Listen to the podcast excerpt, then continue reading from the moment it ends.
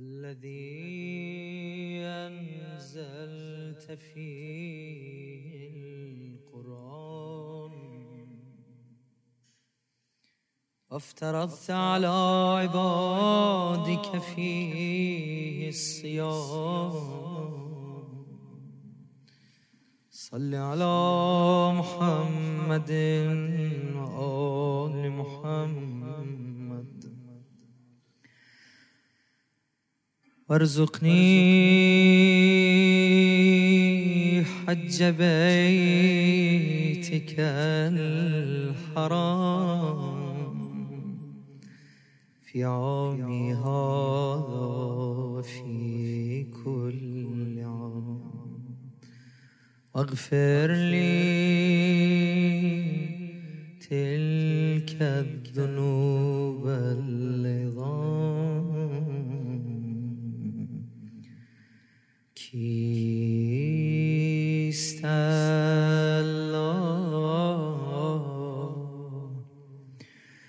بیا.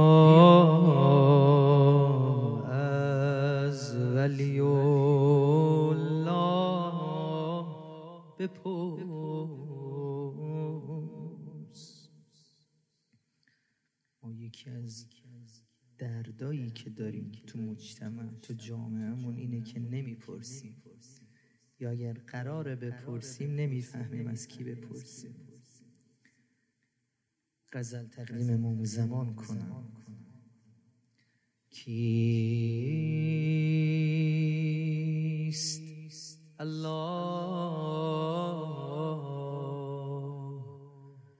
بیا از ولی الله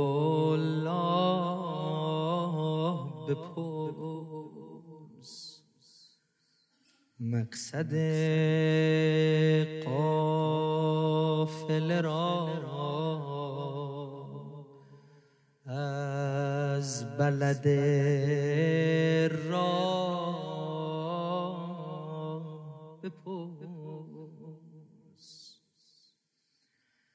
پاسخی می دهدت بی حد و اندازه فقط به رکوعی برسو. پرسش کوتاه بپرس. بذار این بیت دوم و بیشتر معنا کنم. اجازه بده یه بیت از استاد شهریار. شب نونزدهم ماه مبارک رسید. خودم رو میگم هنوز دستم خالیه. در خونه امیر المؤمنین اومدیم. با اینکه گدایی رم بلد نیستیم اما کاسه آمون دستمونه. این دستایی که دراز می‌کنید وقت دعا کاسه گداییته. بگو آقا من ظرفم همین. برو ای گدای مسکین. در خانه علی زن. نگین پادشاهی دهد از کرم گدارا. هر کسی حاجتی داره میاد. من که حاجتم همین امشب. آقامونو برسون.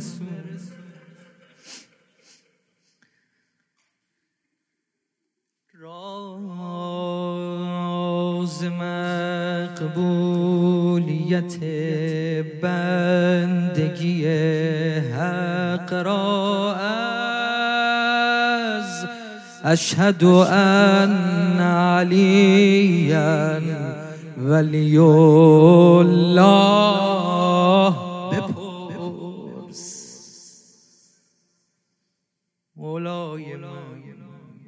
ای کاش قدر تو بیشتر بدونه یازده آین تفسیر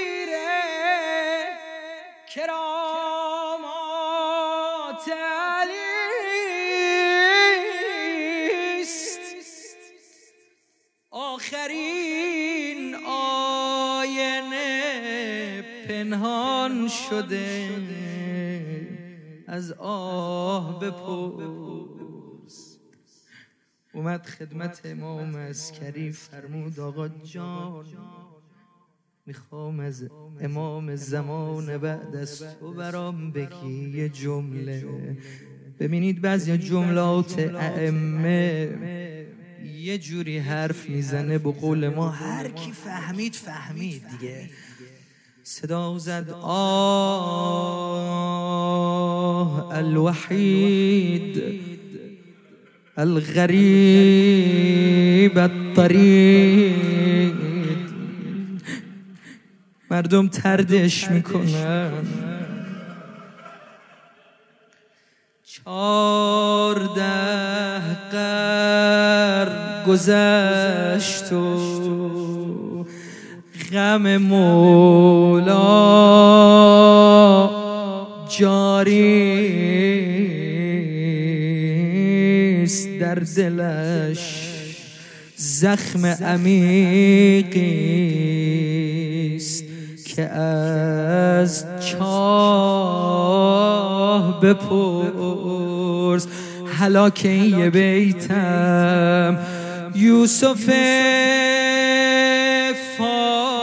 فاطمه یوسف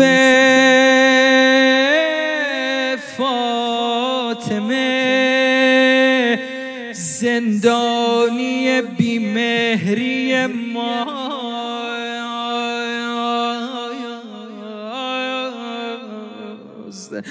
به خدا امشب اگه همین یه بیت هی زمزمه کنیم ای فکر بزنیم ای گریه کنیم. یوسف فاطمه زندانی بی مهری ماست ابرا پس بزن.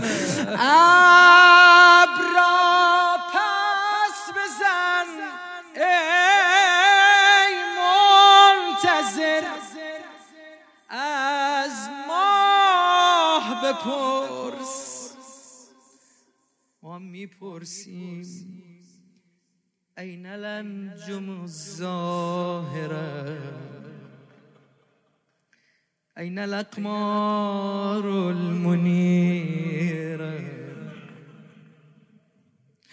این بقیت الله آقا جانم آقا جانم آقا جانم. بذار دلت بازی کنم نمی‌دونم. خیلی علما محضر اساتید درسم و پس میدم. علمای ما همینو میگن. تو این شبای قدر خیلی باید حواس جمع باشه. چی می‌دونی؟ شاید اونی که داره بی که یا الله میگه. کنارت نشسته آقات باشه. نمی‌دونیم به مولا اما اینجوری روزمون می‌خونیم. آقا جان قرآن به سر گرفتنم از سر شروع شد. چند بیت مستقیم ببرم روزه. قرآن به سر گرفتنم از سر شروع شد با زخم فرق در شروع شد. تا آتش محبت مولا به دل شکاف بذار اینو براتون بگم یه دلیل دارم برای اینکه امشب اشک داری. تا آتش محبت مولا به دل شکافت باران لطف های مکرر. شروع شد. قدر بدونیم به خدا شب قدره. دست مرا دست مرا خدا گرفت.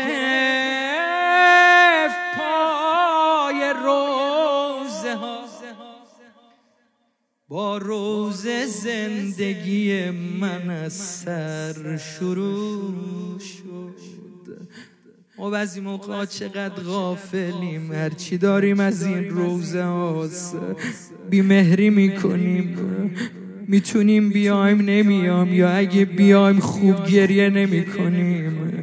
به خدا هرچی برکت کل الخیر فی باب الحسین. هرچی خیر می‌خوای اینجاست. اما گرگدا کاهل بود. تقصیر صاحب خانه چیست؟ دشمن داره نفوذ می‌کنه. ناامیدی رو داره منتشر می‌کنه. گفتم. گناه کردم و کارم تمام. نه قدر آمد و ثواب مقدر شروع شد. دیگه بس مقدمه. دو سه بیت. هر چقدر که حالت خوبه با من بیا. با اشک روزه. نه. با اشک توبه راه به هر روزه باز شد. گفتم علی گفتم علی و روزه اکبر شروع شد. از یکم توسل کنیم صاحب ما. قربون زخم سرت برم مولا. یه جمله بگم و رد شم. روزه من این نیست امشب. به دلم افتاد امام زمان. آقا جان تاریخ نقل می‌کنه. همین که ضربه رو می‌زنن مولا با صورت رو زمین میافته. سری بدو بدو امام حسن امام حسین میان. بابا رو بغل می‌کنن. خب سری دور سر مولا رو میبندن. خونا رو پاک می‌کنن. خاکا رو پاک می‌کنن. دو نفری زیر بغل مولا رو می‌گیرن. بلندش می‌کنن. آروم آروم راه میره مولا. اما کربلا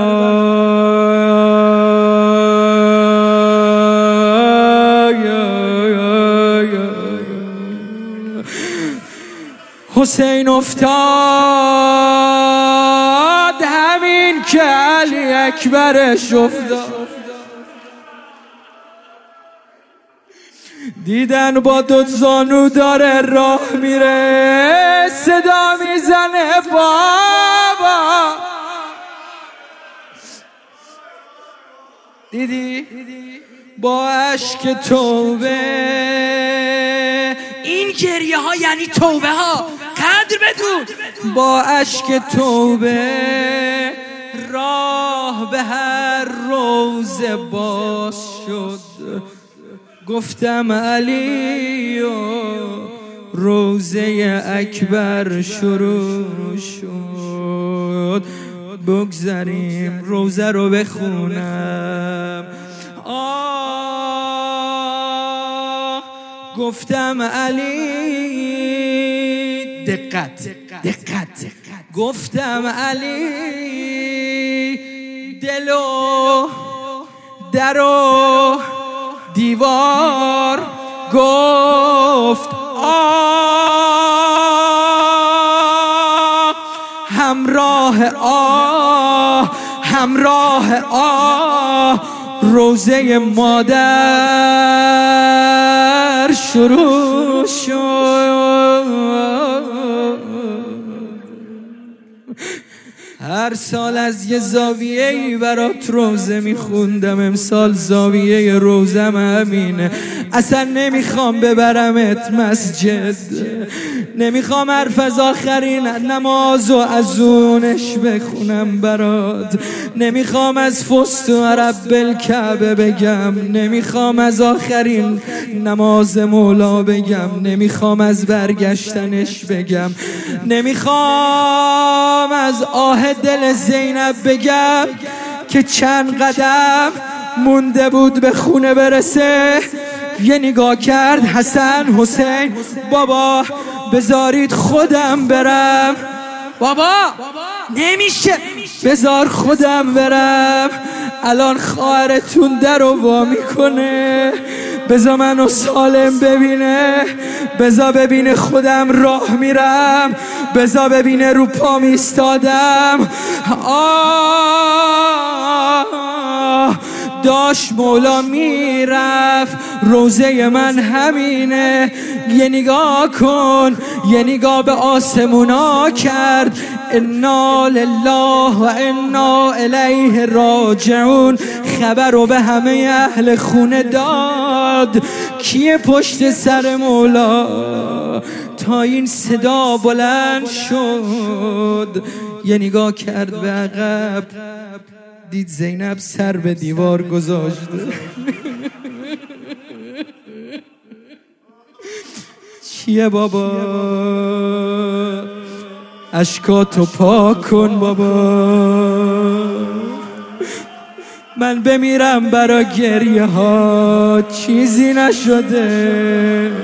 تو چرا گریه می‌کنی؟ چند قدم راه رفت. مرغابیا اومدن. به دامن مولا به ردای مولا چنگ می‌زدن. فهمید زینب چه خبره؟ اومدن اینا رو کنار بزنن. مولا فرمود دعوهن. بذارید بذارید ببین. روزه یعنی این. فانهن سوائح تتبعهن نوائح بذارید دل سیر گریه کنن. کسی با اینا کار نداشته باشه. اینا داغ دیدن اینا ازادارن بابا نرو. چند قدم راه رفت. من این نگاه کشته منو. زینب دید بابا پشت در ایستاده. یاد مدینه افتاد. یاد اون روزی که چادر مادر رو گرفت می‌کشید مادر نرو نرو نرو نرو. یه اشاره کرد فزه بچه هم با تو بچه رو بغل کن ببر. روزه یعنی همین. می‌خوام همینو بگم خانوم. مگه شما چی دیدید؟ مولا رفت پشت در اومد در و وا کنه قلاب درگیر کرد تو عبای مولا. کشید در و رفت. همین میگن این قده گریه کرد زینب. چی شد؟ گفتم علی و دل و در و دیوار گفت آه همراه آه روزه مادر شروع شد. کجا ببرمت؟ منم دلم رفته پشت در. گفتم علی. شکست دلم خورد شد دلم. فهمیدی چی گفتم؟ یاد اون روز افتاد صدای مادر بلند شد. انگار رزق این شبا فاطمی است. بسم الله. یه مرتبه صدا بلند شد. یا علی این المفر. کجا برم؟ گیر کردم. کجا برم؟ های. یا امام زمان کمکم می‌کنی مولا؟ می‌خوام یه حرفی بزنم. لا یوم که یومی که یا عبدالله. یا حسین.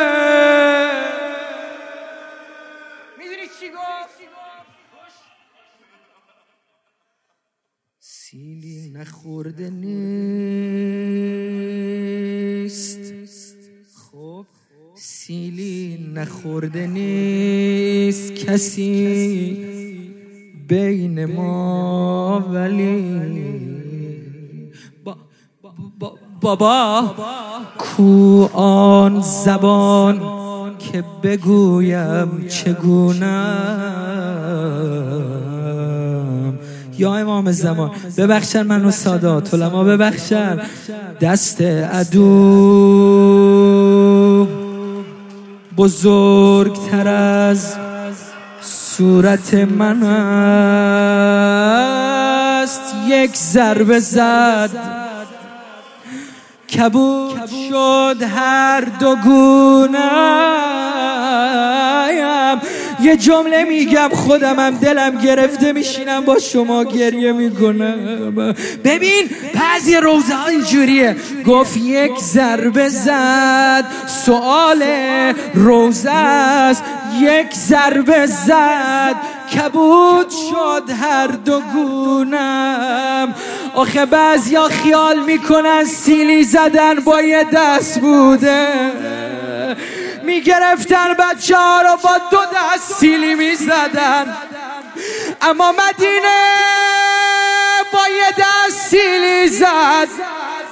چی شد که هر دو صورت کبود شد؟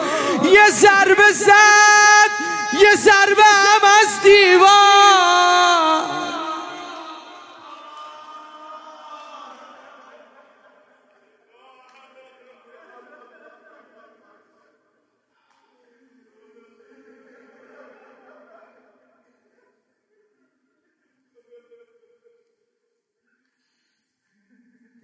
فرج ما زمان ما را برسان.